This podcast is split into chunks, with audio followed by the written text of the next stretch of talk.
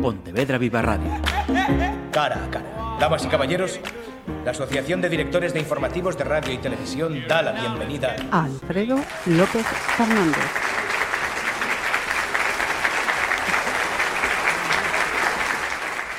Quedámonos eh, para este cara a cara mm, no mar. E quedamos a máis cunha especie mmm, que pode ter eh, mala prensa inmerecida. Eh, temos a sorte de contar de, de novo o, con voceiros da CEMA. En este caso está con nós o doutor en Biología e membro da directiva da Coordinadora para o Estudo dos Mamíferos eh, Mariños, Alfredo López. Benvido e moitísimas grazas de novo unha vez máis. Hola, nada. Sempre, sempre estar atentos cada vez que, que chamamos e necesitamos da, da vosa axuda. Ia decir eh, unha cuestión, pero serán dúas. Escoitaremos o, o final, pero o principal. Eh, chamábamos eh, polo proxecto Friendships Orcas ou Amigas Candorcas.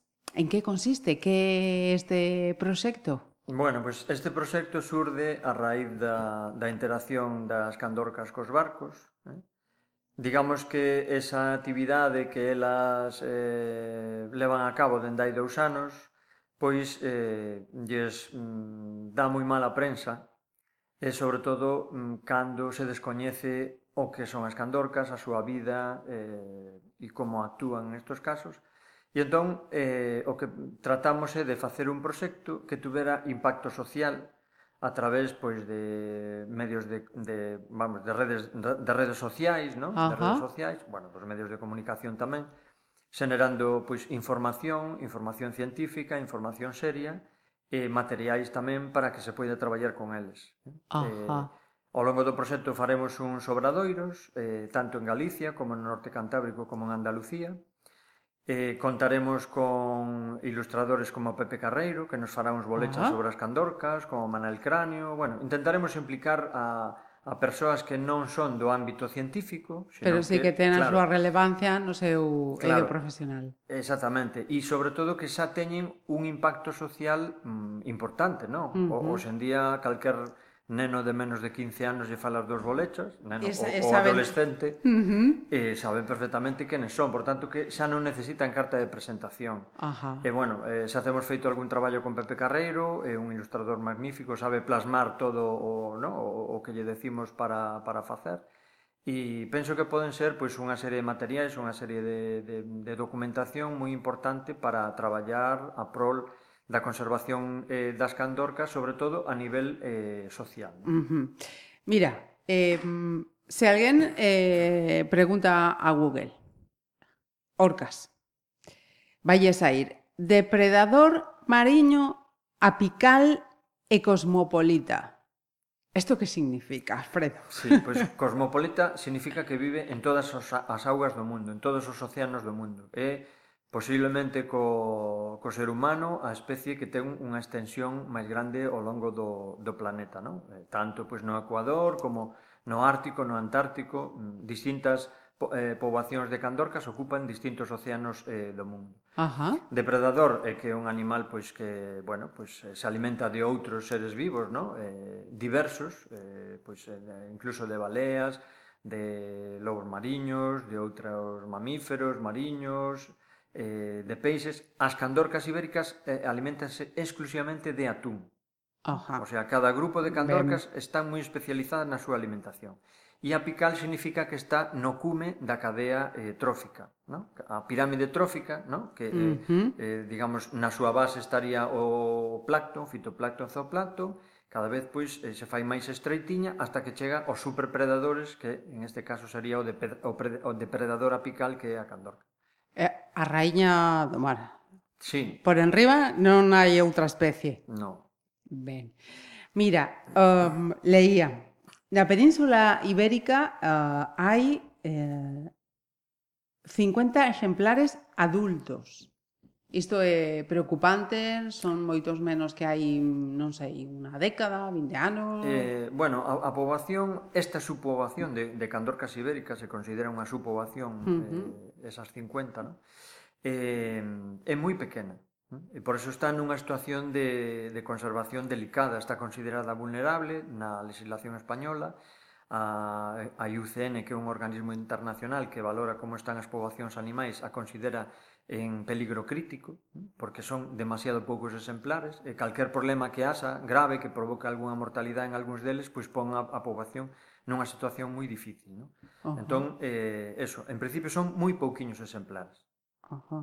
Porque ese número, entón, eh, comezou a ser eh, preocupante, pois, non sei, hai unha década, hai menos tempo... Mm, bueno, porque... eh, posiblemente a, a poboación xa fora diezmada hai centos de anos. Uh -huh. Eh, sabemos a través dos escritos romanos que había candorcas no Mediterráneo, igual que metían leóns en, no, no circo máximo, no? pois facían tamén xogos con, con animais mariños e con candorcas. Hoxe en mm. día non hai candorcas no Mediterráneo. Mm. Entón, posiblemente, estas candorcas, esta subpoboación de candorcas sea a que queda de toda esa poboación que ocupaba o Mediterráneo. Ah. Decíamos ah. que son cosmopolitas, pero no Mediterráneo en este no, momento non, non vive. Hai.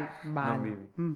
Mira, porque miraba tamén o comportamento en primavera e eh, o verán eh, están alrededor de Gibraltar, ¿no? Mm. Por, eh, para comer los atún. Sí. Luego van eh, subiendo Portugal, eh, Galicia, hacia Océano, hasta Primavera, que voltarían de novo hacia... Sí, exactamente. Hacia Elas utilizan o, o estrecho de Gibraltar como un funil. Realmente como se foran miles de atúns entrando, entrando no Mediterráneo Ajá. que se acumulan ali, entón lle resulta moi fácil comer ali. Ajá. E non entran no Mediterráneo, se quedan ali nas portas alimentándose en esa zona. Eh, unha vez que pasa o verán, os atúns entran no Mediterráneo, desoban e volven a sair. E siguen a súa, rita, a súa ruta polo Atlántico, suben polas costas portuguesas, Galicia, e se abren como un, un paraugas, no? nunha, nunha, nunha palmera. No? E as candorcas pois fan o mesmo, porque o, o seu, digamos, o seu camiño é o, o camiño do alimento, no? neste caso do atún. Mm -hmm. Entón siguen, as polo, eh, siguen, siguen o alimento polas nosas costas e logo, pois, ao final do outono, pois desaparecen no océano para volver de novo a, uh -huh. a zona do estrecho en primavera.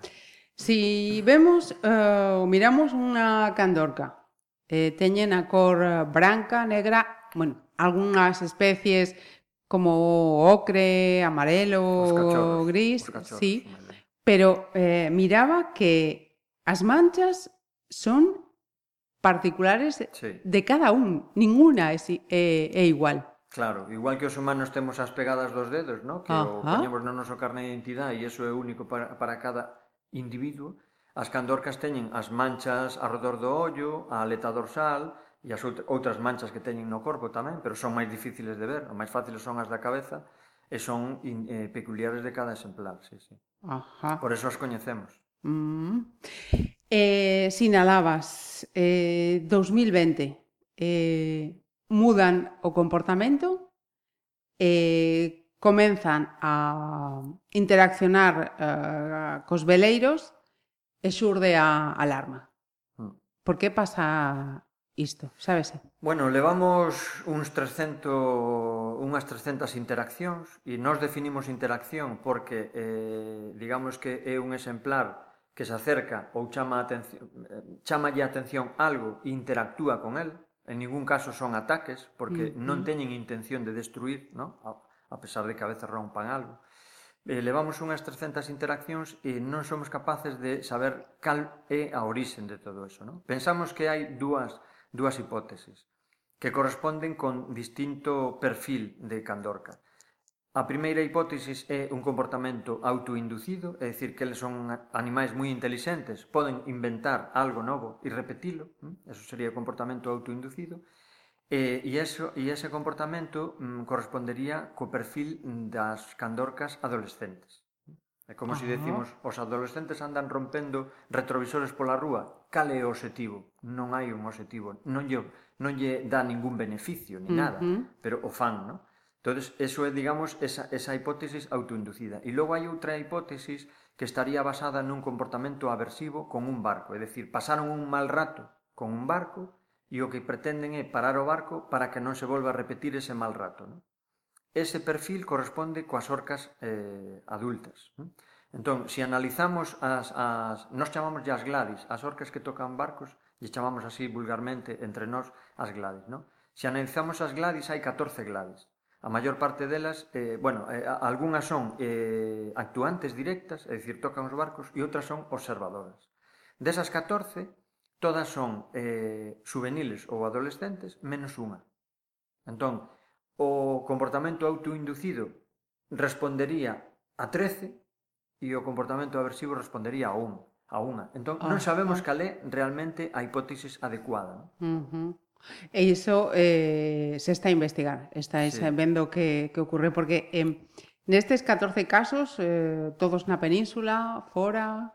No, son 300 casos. Perdón, 300. Des, sí, desde, desde Estrecho Gibraltar hasta, hasta Galicia. Hai un par deles en Francia e un par deles en Marruecos. Uh -huh. Pero a maioría son en esta zona toda. Ajá. Eh, toca eh, sinalar os medios de comunicación pola información tamén que trascende que non é amable, non? Para as eh, claro, ver, candorcas. O problema é que os medios moitas veces chegan aos barcos antes que nós.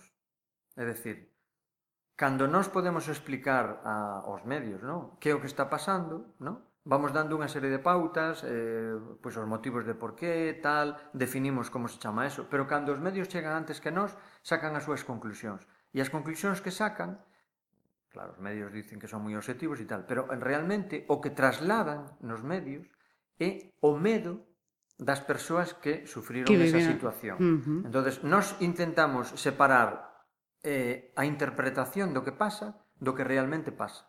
E para eso, antes de que nadie tocara os barcos, en, en bastantes ocasións, ou maior 15 ou 20 ocasións, metemos un mergullador abaixo, antes de que nadie tocara o barco, para saber que é o que había Anotamos cada centímetro do barco, recorremos cada centímetro do barco, anotamos o que había, as marcas que había e todo eso.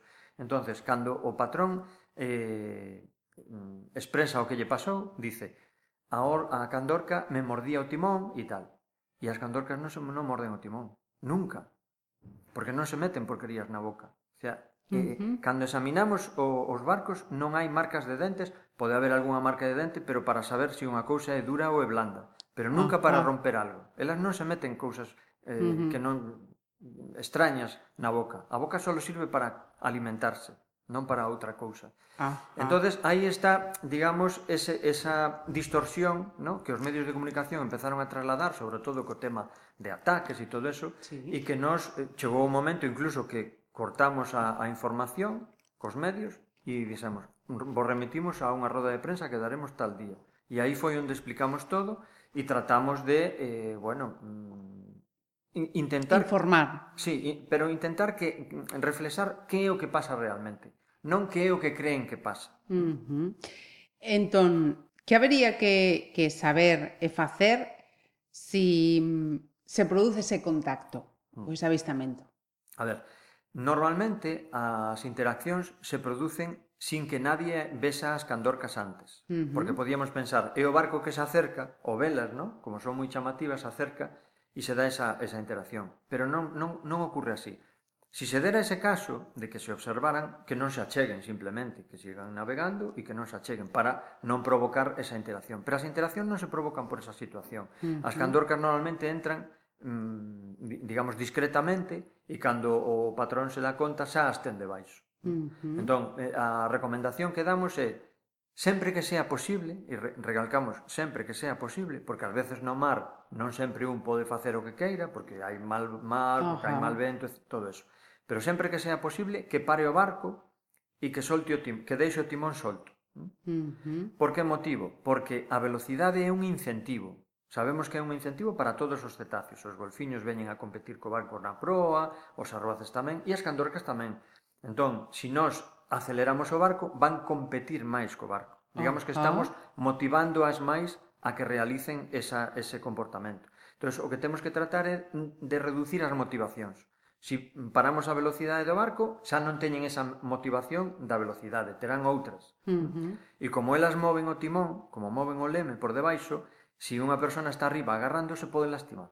Entón, uh -huh. a súa intención, temos que saber que a súa intención non é agresiva, non é de lastimar a nadie pero poden lastimar a alguén sin querer, por así decirlo. Uh -huh. Cando unha botavara se move ou cando a roda ou timón se move, se unha persona mm, non se dá conta, se, se podería lastimar. entonces para evitar lesións e, e outro tipo de cousas, o que mm, recomendamos é parar o barco, deixar o timón solto, solto, apagar a electrónica toda, menos a radio. Ajá. Entón, a, eso non quere dicir que cese a interacción, pero posiblemente a interacción sexa menos duradeira e menos violenta, por así decirlo. Uh -huh. En velocidade todo eso é máis complicado e, uh -huh. e o risco de que haxa daños tamén, claro. Ajá. Claro, porque estamos eh, falando dunha especie eh, de unas eh, dimensións mm, hmm. máis que considerables, non, sí. estamos falando dun golfiño... Non, son animais que superan os 5 metros de longitude e os 2.000, uh -huh. 3.000 kilos de peso. Entón, claro, eh, como son unhas manazas, por así decirlo, e, e o leme é algo moi delicado no barco, o leme Ajá. está fe, diseñado para, mo, para mover o barco, sí, pero sí. non para soportar pesos nin esforzos. Uh -huh. eh? entonces elas, o, o, o intentar movelo, porque eh, cando moven o leme, o barco xira, entonces elas se dan conta sí. que o seu, uh -huh. o seu efecto... A estela. Claro, vai, vai tendo unhas consecuencias e vai movendo o barco, non? Uh -huh. E igual lles parece simpático. Pero claro, como son unhas manazas, porque moven o, o, o leme mm, dándolle golpes coa cabeza, pois termina, a veces termina rompendo, non? E ese é un pouco a, o risco, non? Que o barco se quede sin, sin goberno. Uh -huh. Friendships Orcas, estades vos de, de CEMA, eh, quen colabora? Eh, cal... Bueno, o Digamos que este, este comportamento das candorcas nos levou a entrar en contacto con diversas personas que xa traballaban en tema de, de candorcas, tanto en Andalucía como en Portugal, uh -huh. e constituíse un grupo que se chama Grupo de Traballo de Orcas Atlánticas, donde hai, pois eso, investigadores de Andalucía, de Portugal, de Madeira, de Galicia, e logo outros colaboradores, pois de eh, Francia, eh, outros sitios, non? Uh -huh. Canarias, etcétera Para calquer consulta nos diriximos a eles, pero non están, digamos, dentro do, do grupo. O grupo realmente é un, un colectivo, mm, digamos, de carácter científico, pero non ten carácter xurídico. Non é unha asociación. Uh. Entonces, por eso, eh, foi CEMA quen solicitou este proxecto, a Fundación Santander, eh, digamos, cubrindo co seu paraguas administrativo, por así decirlo, uh -huh. o que é a, o desenvolvemento do proxecto. Do proxecto. O pediu CEMA, uh -huh. aínda que no propio proxecto xa se di que vai a ser desenvolvido polo, pola, polo consunto do grupo de traballo Orcas Ajá. Atlánticas. E, e todo este, este grupo de traballo eh, ten un prazo de tempo? Hai un...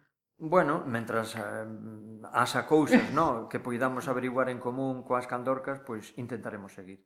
Mm, non estamos facendo investigación directa, quero dicir, non estamos facendo campañas no mar para Ajá. seguilas ou tal. Realmente, de momento, o que estamos facendo solamente é eh, o que é o rexistro dos, dos casos, falar cos barcos, eh, e agora esta segunda parte é a parte de, de educación e divulgación ambiental, no? que é o, o, o ah, ah. proxecto este. Vale, eh, nesta última parte, eh, como vais a desenrolar? Bueno, pois de momento o que faremos será potenciar mm, a ferramenta digital que temos, que é a páxina web. Na páxina web mesmo poñemos unha cousa que lle chamamos semáforos, e os semáforos consiste nun semáforo en distintas partes da costa que llevamos poñendo verde, laranxa ou vermello, en ah, función de se si hai interaccións non, ou non nesa zona. Uh -huh. Entón, os, na os navegantes nos van informando, nos vamos eh, poñendo esa información na página web e ao mesmo tempo poñemos esos semáforos. Por tanto, que é moi fácil que un navegante se quere ir de Inglaterra a Marruecos, simplemente con consultar o mapa, sabe onde está habendo esas interaccións e onde ten que ter precaución. Okay. Queremos potenciar esa, esa, esos materiais, para que sean útiles eh, para os navegantes. Non vamos a poder evitar as interaccións, uh -huh. non? xa nos gustaría, pero non hai unha varita máxica, non? Para evitar que se Para evitalas, pero polo menos dar a información e que a xente do mar este eh, este informada para saber se si ten que ir agora, se si pode esperar unha semana, se si ten que navegar de día, se ten que navegar de noite, en fin, uh -huh. ese tipo de cousas. E despois eh, tamén ponemos en marcha pois esta, esta unha campaña divulgativa o máis potente posible, con estes materiais que decíamos sí, decías, dos bolechas e uh -huh. e entón facer tamén eh, distintos obradoiros a nivel pois eh, xente nova, a nivel sector pesqueiro, a nivel sector navegación para informarlles deste tema. Mm, eu creo que o máis importante, o sea, apoiar no que se poida pois a toda esta problemática das interaccións, pero o máis importante é transmitir mm, certa tranquilidade a nivel eh, social para que eh, cando as persoas eh, que vivan que lles toque a, a, a mala sorte, digamos, de vivir unha interacción, poidan abordala con certa calma, non? Uh -huh. É dicir, que, que os animais non teñen eh, unha actitud agresiva. Todo o que fan, o fan eh, tranquilas. Incluso sabemos que hai algúns navegantes que están facendo algunhas actividades que non son moi positivas, como de tirarlles bengalas ou pegarlles co bichero, cousas así.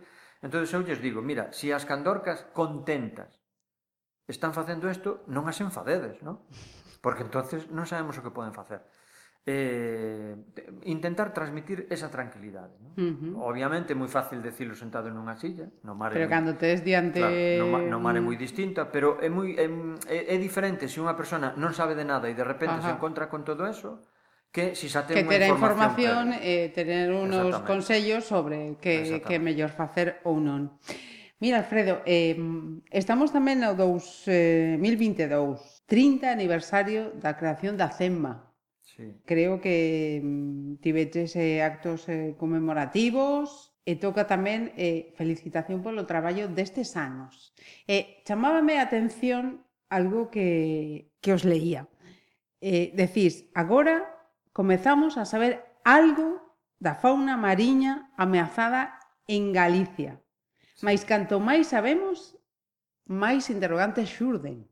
Claro. 30 anos Sí. Para comenzar a saber algo. Claro, eh, empezamos no ano 1992, xa levábamos un par de anos eh, traballando un pouquiño no seno da no seo da, do, Museo, do Museo de Historia Natural da Universidade de Santiago, pero despois, como non puido ter continuidade ali no museo esta actividade, pois decidimos a facer unha asociación que foi a CEMA, legalizada no ano 1992, E a partir de aí, pois, mm, tiñamos, non sabíamos nada, consideramos que aquel momento non, non sabíamos nada e empezamos a averiguar cousas por donde vivían os arroaces, os golfiños, que comían, todo isto. Pero claro, canto máis sabemos, máis dúbidas nos surden, non? E eu creo que eso tamén é, pois, a, o apaixoante de, de todo isto, porque se lle pode dar continuidade non? Eh, uh -huh. nestas investigacións, a xente nova que, que este pois, eh, rematando os estudios ou que quera colaborar, e, e de alguna maneira intentamos integrar a, a toda esta xente pois no, no traballo, non? Uh -huh. E esperemos que dure moitos anos máis e, e que eu xa non o vexa, claro. o que si sí evidencia é que non é un traballo sinxelo.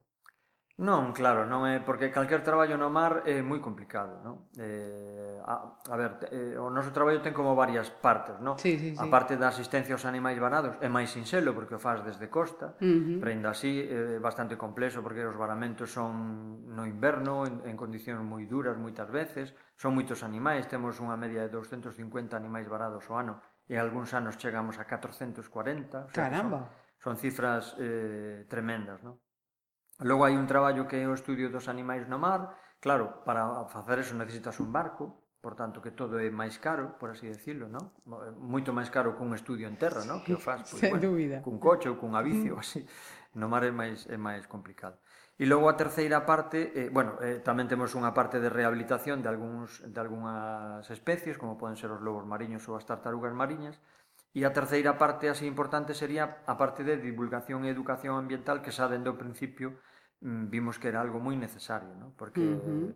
moita xente, a pesar de vivir ao lado da costa, descoñecía que había cetáceos e golfiños e baleas na nosa costa, ou lobos mariños e tartarugas mariñas. ¿no? Uh -huh. Entón, eu creo que mm, para que estas especies poidan pervivir de cara ao futuro, para poder traballar en conservación, o primeiro paso que temos que dar é no coñecemento. Na medida en que demos a coñecer as cousas, a xente aprende a amalas e, por tanto, cae a, a, a contribuir ou a exixir na conservación. Uh -huh. Porque eh, falando da, da fauna mariña ameazada destes 30 anos de, de traballo, ese algo que co, comezáis a, a saber, co, como decíais, eh, sabedes cal, cal sería a, a especie eh, que agora mesmo eh, reclamaría eh, máis atención por, por amenazada. Sí, sin duda. É a toniña, a focoena focoena, é unha especie que está en perigo de extinción, eh, vive na, na costa galaico-portuguesa, digamos que a súa, casta, a, a súa casa está compartida no? entre as costas de Galicia e Portugal, e ten unha situación moi crítica. Pode ser que en Galicia xa menos de 300 exemplares, eh, son moi vulnerables pois a redes, a contaminación, etcétera, eh, bueno, mm, a ver se si conseguimos poñer en marcha ou ou, ou poñelos nós, que é máis difícil por falta de financiamento, ou uh -huh. provocar que alguén os poña en marcha, ¿no? Sí. O que son labores de, de conservación desta especie porque senón desaparece, ¿no? Uh -huh. eh, os interrogantes que máis os preocupan? Bueno, nos menos preocupa moito pois a influencia, por exemplo, dos contaminantes, ¿no? Eh, contaminantes que non se ven, uh -huh. sustancias químicas, e de como esos contaminantes poidan influir eh, na vida do, dos animais, na súa reproducción, na súa, no seu metabolismo. En fin, eh, esas cousas son as máis difíciles de abordar porque tamén a veces os estudios tamén son máis caros, máis eh, complicados de chegar a eles, pero bueno, habrá que chegar. Nos eh, procuramos recoller mostras biolóxicas daqueles animais que aparecen varados, Se non se poden realizar os estudios, queden guardadas esas mostras para que nun futuro próximo se poidan levar a cabo e desvelar todas esas interrogantes, se é posible.